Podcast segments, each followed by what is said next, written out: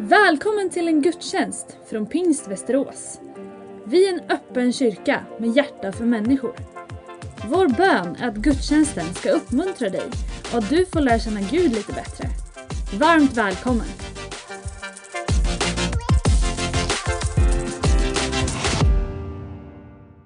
Kristus är uppstånden, han lever idag och det är kyrkans stora glädje och vår central funktion i att vi överhuvudtaget samlas. Den tidiga kyrkan, redan de första veckorna efter hans uppståndelse möttes varje söndag efter söndag. Han lever, han lever, han lever. Jesus är här. Han lever idag. Han vill frälsa dig, han vill fylla dig med helig ande. Han vill hjälpa dig i allt som är ditt liv. Det är det rummet vi är i nu. Och nu är vi på väg mellan påsken och pingsten och vi ska vara i en text idag som eh, jag tycker är ljuv. Jag tycker den är vacker och den är hänförande och den öppnar för någonting som man känner där. Det ligger och dallrar. Ni vet det är som när de står upplinade i Vetlanda speedwaylaget och väntar. Ni vet, speedway är ju så cool sport för det är inte målgången som är det tuffaste utan det är ju starten det här varvandet och sen alla som kastas in i första kurvan. Det är den känslan vi har i den här texten vi kommer till.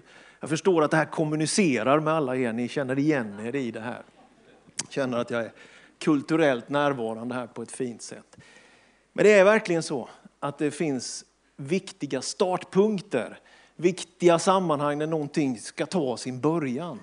Och vi är ju lite grann i det läget. En mark är beredd, ett rike håller på att få sin möjlighet att bli förkroppsligat bland människor och vi är mellan påsk och pingst. Så vi ska läsa från Lukas evangeliet 24 kapitel. Ni som är hemma här i kyrkan vet att när vi läser predikotexter så står vi upp tillsammans. Det gör vi också idag. Vi gör ju det för att eh, för oss är Bibeln auktoritet, den är vägledande. Vi gör inte anspråk på att vi begriper allt i den, men vi tror att den är från Herren. Det är hans ord, det är hans uppenbarelse. Vi vill lyssna till det, vi vill läsa det och så gott vi kan så vill vi följa det. Det är stjärnor som lyser som man kan navigera efter. Och vi låter dem få vara där och vi försöker att hitta vår väg genom livet. Och vi älskar Guds ord. Saltaren säger att det är sötare än honung och det är mera värt än guld. Det är alltså energi som honung och det har ett värde som guld. Det är inte dåligt. Vad kostar ett kilo guld egentligen? En halv miljon tror jag. Det är värt mycket i alla fall. Så Lukas evangeliet 24 kapitel, verserna 36 till 49. Tro på Guds ord i Jesu namn. Medan de talade om detta stod Jesus själv mitt ibland dem och sa till dem, frid vare med er. Uppskakade och rädda trodde de att det var en ande de såg. Men han sa till dem, varför är ni så oroliga? Varför kommer det upp tvivel i era hjärtan? Se på mina händer och mina fötter att det verkligen är jag. Rör vid mig och se. En ande har inte kött och ben som ni ser att jag har. När han hade sagt detta visade han dem sina händer och fötter. När de i sin glädje och förundran fortfarande inte kunde tro frågade han dem, har ni något ätbart här? Då räckte de honom en bit stekt fisk och han tog den och åt inför deras ögon. Och han sa till dem, detta är vad jag sa till er medan jag ännu var hos er. Allt måste uppfyllas som är skrivet om mig i Mose lag, profeterna och salmerna. Sedan öppnade han deras sinnen så att de förstod skrifterna. Och han sa till dem, det står skrivet att Messias ska lida och på tredje dagen uppstå från de döda och att omvändelse och syndernas förlåtelse ska förkunnas i hans namn för alla folk med början i Jerusalem. Ni är vittnen om detta. Jag ska sända över er vad min far har lovat. Men ni ska stanna här i staden tills ni har blivit rustade med kraft från höjden. Herre, tack att du är här just nu. Tack för din helige andes närvaro. Mitt i det som är vårt, vårt liv, Herre. Det som är det vi fattar och inte fattar, det vi gör rätt och det vi gör fel. Vår längtan, vår lust, vår vilja, men också vår olust och vår ovilja. Tack att du kommer till oss Herre för att röra vid oss Herre. Att du söker upp, att du vet att vi behöver kraftfullhet, vi behöver upprättelse, vi behöver tröst och vi behöver barmhärtighet och förlåtelse. Så vi ber Herre, gör det bara du kan göra också denna söndag i mitt liv. Herre. Jag vill gå hem från kyrkan idag mer hel än jag kom hit. Jag vill få uppmuntran av dig Herre. Jag vill ta emot av din kraft Herre. Jag ber att du ska komma med din glädje över församlingen Herre. Denna värme och denna styrka som bara du kan ge. Tack för varje person som är här, som tar del av förkunnelsen och gudstjänsten via nätet, var vi är, så verkar du med din ande. Tack att du visar dig för lärjungarna, uppenbarar dig för dem. Gör det också så med oss idag och alla dagar. Vi ber så i Jesu namn. Amen. Amen. Varsågod och sitt ner. Ja, men vi går rakt in i texten så handlar det ju om att det är efter påskdagens mirakel, hans återuppståndelse. Det är ju det, det ordet, vi säger uppståndelse men det är liksom bokstavliga är att han har återuppstått. Han var längst ner men han lever idag och har besegrat dödsriket. Så är det de här två Emmausvandrarna, det är de här många kvinnorna och det finns möten mellan de här olika lärjungagrupperna med den uppståndne. Och så är det ett antal tillfällen där evangelierna berättar om hur Jesus som fräkt återuppstånden då möter med de här lärjungarna och träffar dem. Kan du tänka dig att möta någon som ändå man förstår här i texten att de i princip i alla fall tror att det är ett spöke eller en ande. Kan du tänka dig att möta någon som faktiskt på riktigt du tror är död? Man kan ändå förstå det liksom mindblowing i det, att det är ju inte det lättaste att ta till sig. Och så kommer Jesus själv och står mitt ibland dem. Och det är själva definitionen egentligen av en kyrka. Han säger, där två eller tre är samlade i mitt namn. I mitt namn återkommer mot slutet i den här texten. Där, där, där människor från alla möjliga bakgrunder ändå förenas och säger, vi är här i kyrkan den här söndagen 10.30 för att Jesus är här. Det är det som konstituerar församling, inte vår närvaro, även om den är välkommen och viktig. För vad träligt att predika till tomma bänkar. Liksom. Men det är inte vi som konstituerar andens gemenskap och en kyrka, men vi dras in i den. Vi är mottagare. Själva etablerandet står han för. Och Det är lite grann min huvudpoäng i den här predikan. Att det är någonting han för de här lärjungarna in i som uppstånden som gör att de blir både berusade närmast och hänförda och uppfyllda av en längtan att göra något vettigt av livet samtidigt som det på inget sätt är avhängigt eller beroende av deras egen förmåga eller insats. Det är den här mixen att göra upp med gamla förutfattade meningar om vad tro är, vad religion är. Det är det som händer hela tiden i den här skarven. Vid ett tillfälle så andas Jesus på sina lärjungar. Känns inte som, det känns helt enligt Socialstyrelsens normer det skulle vara idag, men han verkar flämta till på dem. Här äter han mitt framför lärjungarna. Kan du tänka dig att stå och äta och folk tittar på? Det är en ganska obekväm upplevelse för många av oss. Det är ju så, när man är bland folk äter man lite och när man är ensam är risken att man äter mer. Får vi kalla fram till, räcka upp händerna alla ni som känner er träffade av detta. Det är ju ingen som gör förstås, men någon nickar inom sig att lite så är det faktiskt. Att det är svårare att ta ett bloss för mycket och äta en kaka för mycket när någon tittar på. Men när man är själv. Det är något annat här.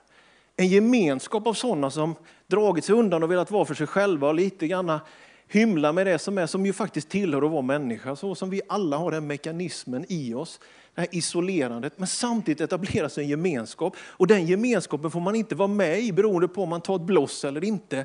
Utan det är något annat som möjliggör att man får vara med i den gemenskapen. Det är någonting av att Jesu närvaro mitt ibland dem är en viktig påminnelse en vanlig söndag som denna. Herren är här. Och där han är så finns det ett utrymme. Det finns en möjlighet. Men det hjälper inte det här gänget. De är ju helskraja här. De är uppskakade, de är rädda, de tror att det är en ande de ser Och Jesus säger, varför är ni så oroliga? Varför kommer det upp tvivel i era hjärtan? Liksom bristdelen i näringskedjan här är tro.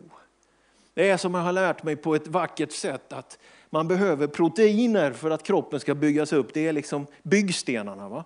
som hjälper kroppen kanske efter träning att man liksom kommer igång. Och det är någonting av det. Det finns någon slags andlig proteinbrist i den här berättelsen över lärjungarna.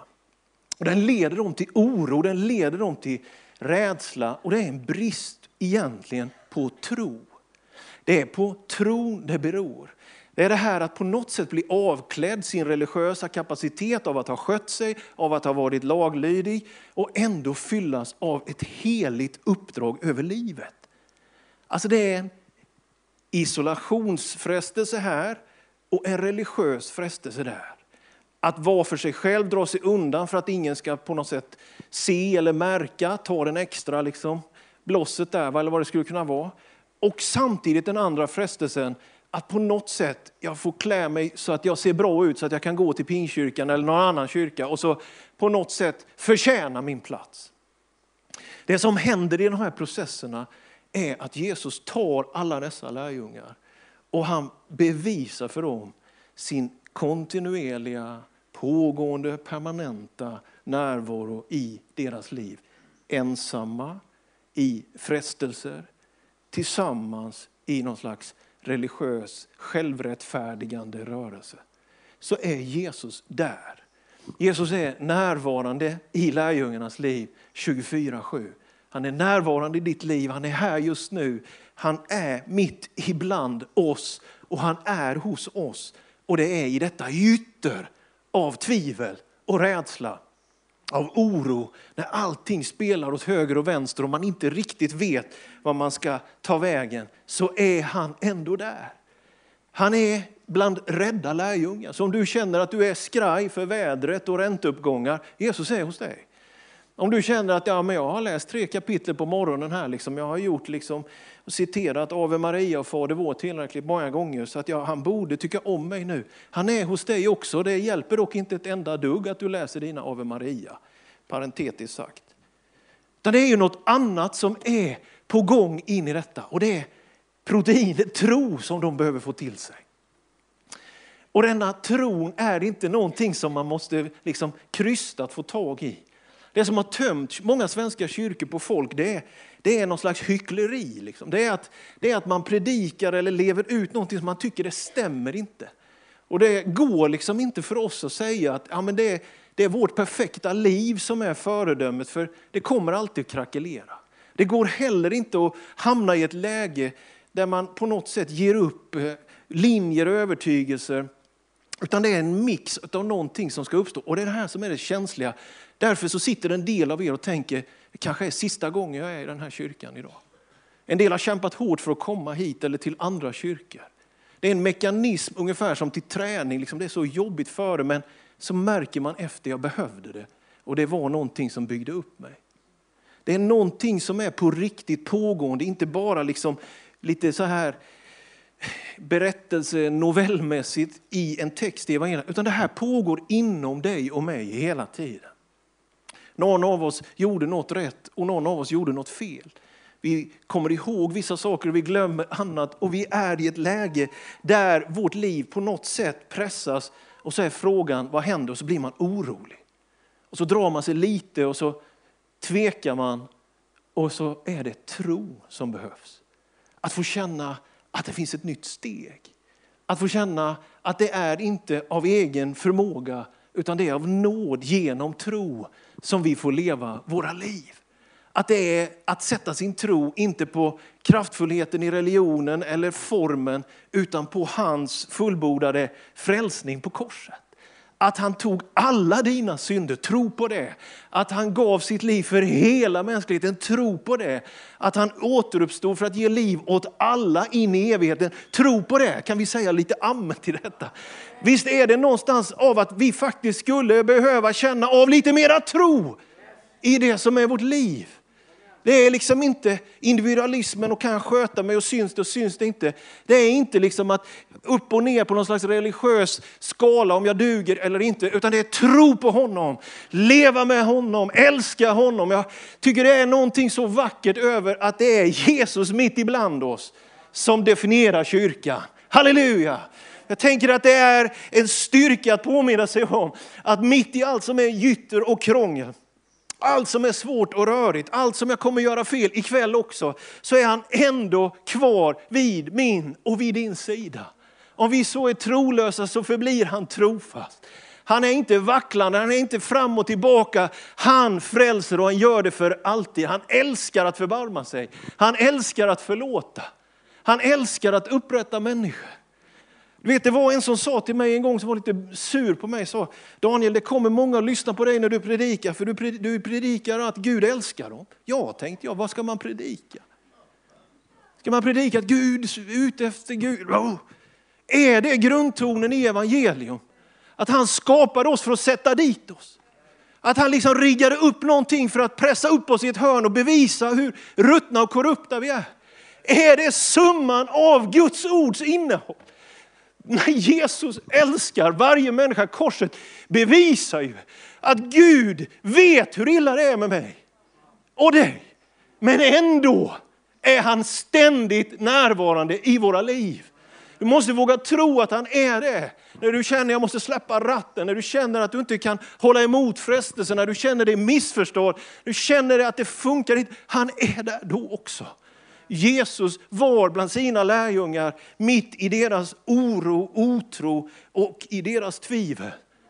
Så när vi säger liksom söndagsskolmässigt Jesus är här, så är det en oerhörd rikedom. En väldig tröst för sådana som mig och kanske för dig. Så de är där och han tillför det här. Se på mig, rör vid mig. Här är mina händer, här är mina fötter. Jag tycker det är så djupt och vackert att Herren själv, den uppståndne som har besegrat dödsriket, att han fortfarande har sina ärr. Han har sina sår. Det finns inget som längre kan hålla tillbaka. Han, ska, han, han är den som är regenten så att säga, över nu dödsriket. Han är den förstfödde från döden, står det skrivet men han bär sina ärr.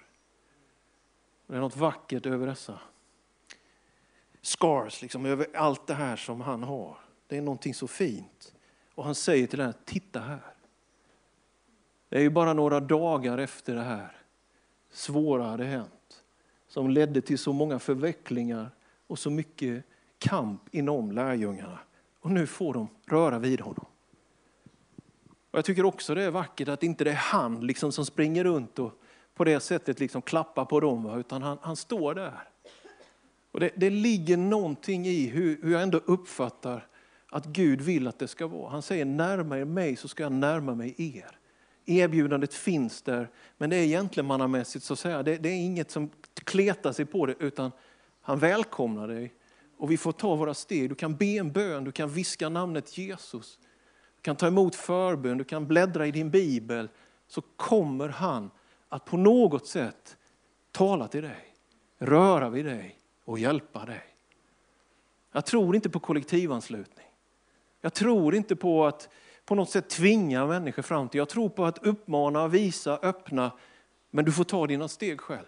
Hamnar du i någon form av andlig miljö där någon annan fattar besluten åt dig, backa därifrån. Men om du, en, om du hamnar i en andlig miljö där Jesus är i centrum och där du blir utmanad att följa honom, så ta dina steg och tro på honom. Han står där, han är där och han visar sina händer och fötter och det finns märke på dem. Jag tänker att det är så med kyrkan också. Jag menar den här kyrkan, vi har dryga hundra års historia och det finns upp och det finns nedgångar, det finns kamp, det finns motgång. Men det finns någonting som lever. Jag vet i torsdags när jag läste lokaltidningen här i min dator, VLT, så finns det ju gamla hediga klassiska predikoturer. Ni vet de där som man för SÖ11, GTJ, HHN, SSK. Man var tvungen att vara en slags inkodad eh, agent nästan för att begripa vad det stod, vad det skulle vara för möte i kyrkorna. De finns fortfarande de där predikoturerna och vi sätter in en liten sån varje vecka. Ja, GTJ betyder gudstjänst och HHN, Herrens heliga nattvard och SSK betyder söndagsskola för er som, som är något yngre än mig här. Men, men allt som är fel och fram och tillbaka och som man inte kanske tycker är det där perfekta kyrkan eller den perfekta pastorn, vad du vill. Så när jag läste detta i torsdags så läser jag om åtta gudstjänster bara den här helgen. På fyra geografiska platser, så utöver denna gudstjänsten sju till. Tre av dem på andra språk. Finsk gudstjänst, spansk gudstjänst, förresten fyra ukrainsk gudstjänst och så Amarinja Tigrinja. Och så gudstjänster i Skultuna, i Surahammar, i Norberg och så här. Och så tänker jag att det finns ärr, det finns skavanker, men det lever.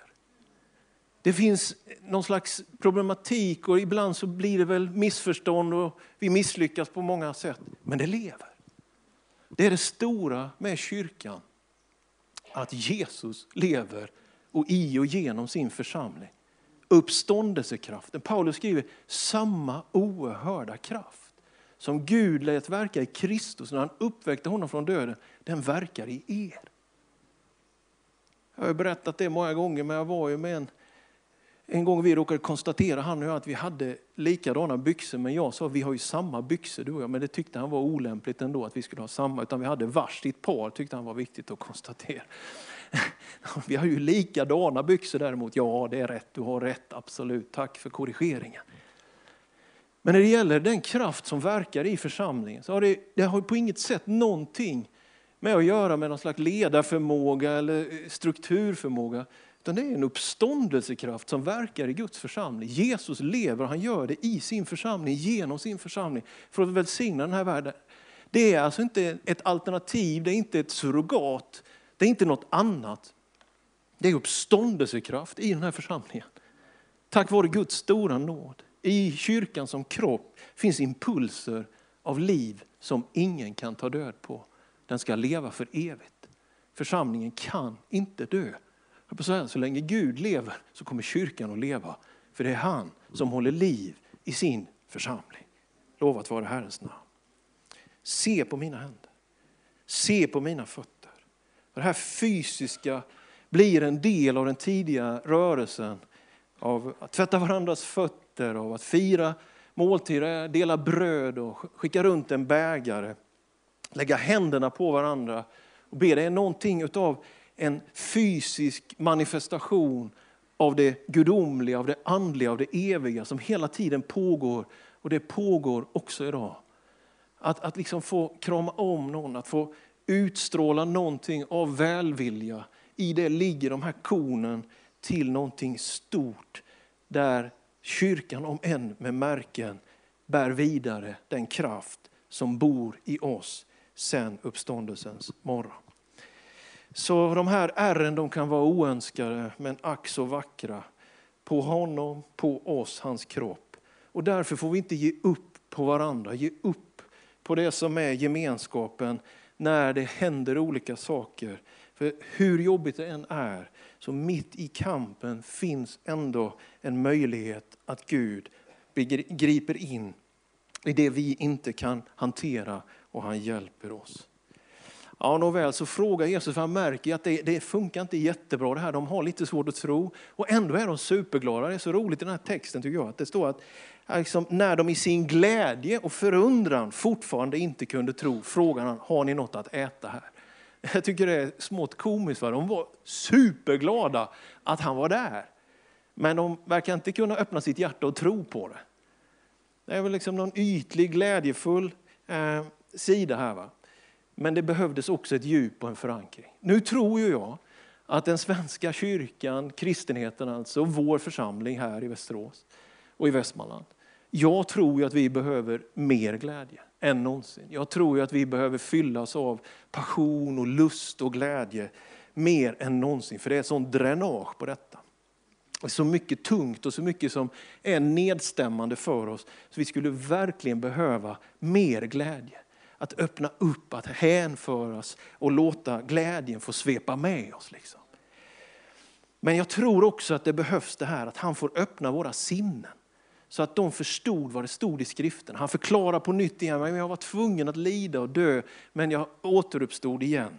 Han lägger grunderna på nytt igen i teologin, i läran. Att den här boken behöver inte bara studeras och liksom kritiseras och skrutineras och vad man vill säga, utan det är ett trons dokument. Det är primärt en miljö där Gud kan öppna våra sinnen så att när vi äter detta, för det är också levande ord som vi mättas av i vår själ, så har han öppnat våra sinnen. Du vet, det finns så mycket som blinkar åt höger och vänster, så mycket dålig undervisning på nätet, så många som alltid på något sätt bara vill dra bort egentligen från både Kristus och församling, om än det har den täckmanteln. Vi har väl aldrig haft så mycket villevalla på teologins område som just nu och det är ju tack vare digitaliseringen väldigt mycket. Så jag utmanar dig att tänka tanken, vad är frukten av det jag hör? Blir det kärlek till Kristus? Blir det kärlek till medmänniskor? Bygger det upp församlingen? Blir det till välsignelse för medmänniskor? Eller är det den sekteristiska ådran att vi är bättre än någon annan så vi drar oss undan? Är det frukten av undervisningen så ska du inte lyssna mycket på den. Om frukten av undervisningen är att det är vi som har rätt och alla andra har fel, så är det en osund undervisning med fundamentalistiska och sekteristiska och elitistiska, för att bara rabbla lite fina ord här, som är frukten av en sån undervisning. Det finns ganska mycket av detta utöver världen idag. Men jag tror att när man läser och ser den tidiga församlingens rörelse så ville de hålla sig nära Jesus. De ville hålla sig nära skrifterna. De firade måltiden, de bad för varandra och de hjälpte varandra. Och i den myllan så uppstår någonting sunt. Om du tror att du är väckt kristen, när du har en uppfattning så tror du fel. Om du tror att jag är radikal kristen, jag skriver något lite kaxigt i en Facebook-post, så påstår jag att du tror fel. Radikalitet och blöjradikalitet är inte samma sak. Vi har hamnat i ett läge där en del krafter i kristenheten tror att det är min starka åsikt som på något sätt ska hjälpa mig att bevisa att jag är minsann en brinnande kristen. Vet du, det som ses här i apostlagärningarna, den tidiga kyrkans historia, det är inte en kyrka som debatterar och kämpar för sin uppfattning, att folk ska vara bländade och att man ska ta avstånd. Det är en rörelse till alla världar. Det är en kyrka som inte låter sig stoppas av någonting. Det är en kyrka som delar ut till den fungerande. Det är en kyrka som är diakonal, det är en kyrka som är predikande. Den är i rörelse och det är någonting av en så vacker frukt som vi måste återta. För världen är helt uthungrad på en varm, brinnande, hänförd kristendom som är empatisk och bryr sig om någon annan människa. Vad har vi vunnit om vi sitter och säger, jag har rätt och du har fel? Vad har vi vunnit om vi tror att det är min tolkning av det här ordet som är den rätta? När vi älskar Guds ord och vi lyssnar till det och vi försöker över bästa förmåga, men vi har också respekt för att vi ännu har sett bara en del och att det finns mer att upptäcka. Detta friska, sunda. En lärjungagrupp som fick röra vid honom och han öppnade skrifterna för dem. Gav dem en, en sund kan man säga, teologi till öppenhet. Han öppnade deras sinnen.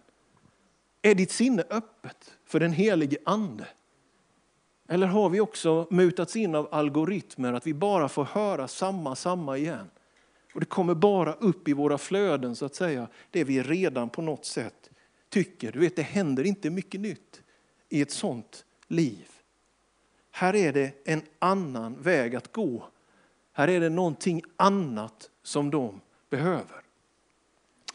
Jag har nämnt det någon gång tidigare, men jag blev påminn om det igår. Det finns en eh, bok som heter Vattenvarelser och när den eh, recenserades i Svenska Dagbladet av en författare som heter Claes Östergren så skriver han om den här boken, alltså det är ju ja, men om fiskar och allt vad som lever i haven. Va? Så skriver han två ord som ju är från vår värld och jag har varit inne på det ena. Han skriver om att i havet finns det proteiner och profetier. Det finns det du får näring av och det finns det du får riktning av. skaldjur och fisk och allt vad det är. Va? Och så jag gillar det där ordspråken, jag har ju lite förkärlek för ordpar sådär. Protein och profetia. Och på något sätt tycker jag det sammanfattar ganska väl den process Jesus tar lärjungarna med mellan påsk och pingst. Att han har ett ord som ger dem näring, ett liv, men också en riktning som är i det profetiska. Nåväl, för att gå ner lite grann för landning i detta. När Jesus har liksom på något sätt fått dem i det här läget att det är trons rum, det är han som är där och de på något sätt kan lugna sig från sin oro, från sina tvivel. Så han berättar och, och, och lär liksom ut ett fundament för en sund liksom, teologisk process med honom i centrum. Så kommer vi in emot slutet av detta och där säger Jesus det som blir missionsbefallningen egentligen. Omvändelse och syndernas förlåtelse ska förkunnas i hans namn för alla folk med start i Jerusalem. Ni är vittnet om, vittnen om detta och jag ska sända över er om min far har lovat. Men ni ska stanna här i stan tills ni har blivit rustade med kraft ifrån höjden. Löftet om den helige andes gåva, någonting ifrån höjden. När Jesus bad så står det att han såg mot himmelen och bad. Gång efter gång när han ber så lyfter han blicken, han på något sätt får upp det här. Och det kanske är min bön med den här predikan, att du skulle på något sätt bara kunna öppna lite grann. Och se, det finns obegränsade möjligheter. Det finns vidder utan någon form av gräns. Det finns liksom inget glastak hos Herren. Utan den här gruppen tas med liksom från sin egen oro till fullkomlig hänförelse och eufori. Det ska komma kraft ifrån höjden.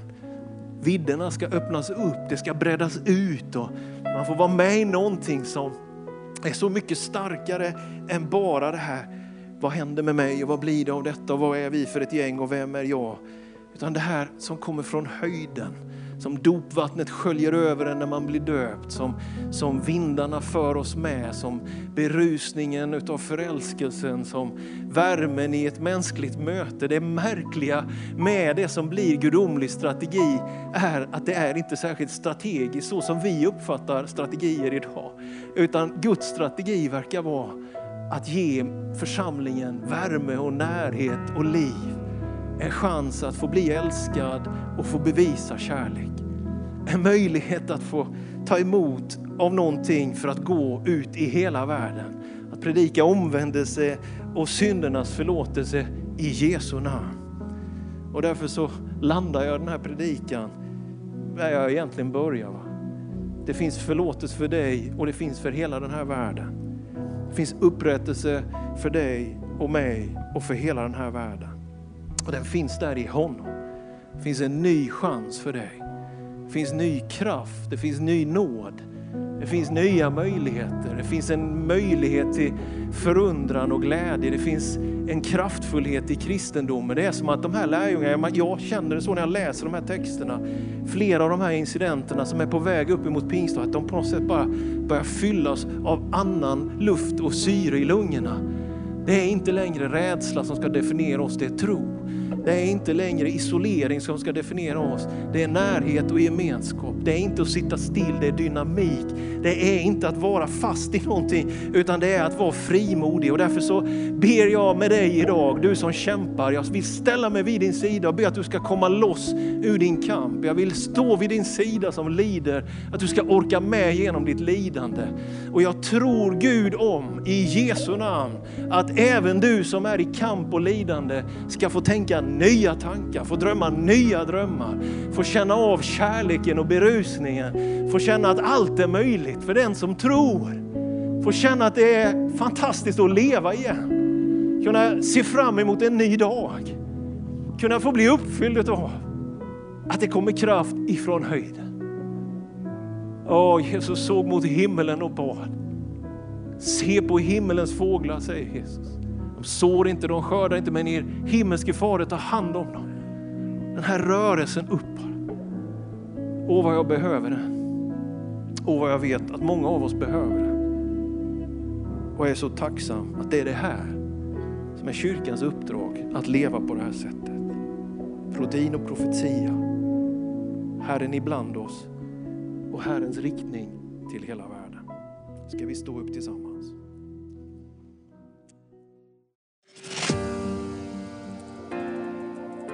Du har lyssnat på en gudstjänst från Pingst Västerås. Har du frågor om församlingen eller vill veta mer om kristen tro kan du gå in på vår hemsida vasteras.pingst.se Varje söndag firar vi gudstjänst tillsammans klockan 10.30. Välkommen att vara med via webben. Sök efter vår Youtube-kanal Pingst Västerås så hittar du livesändningen.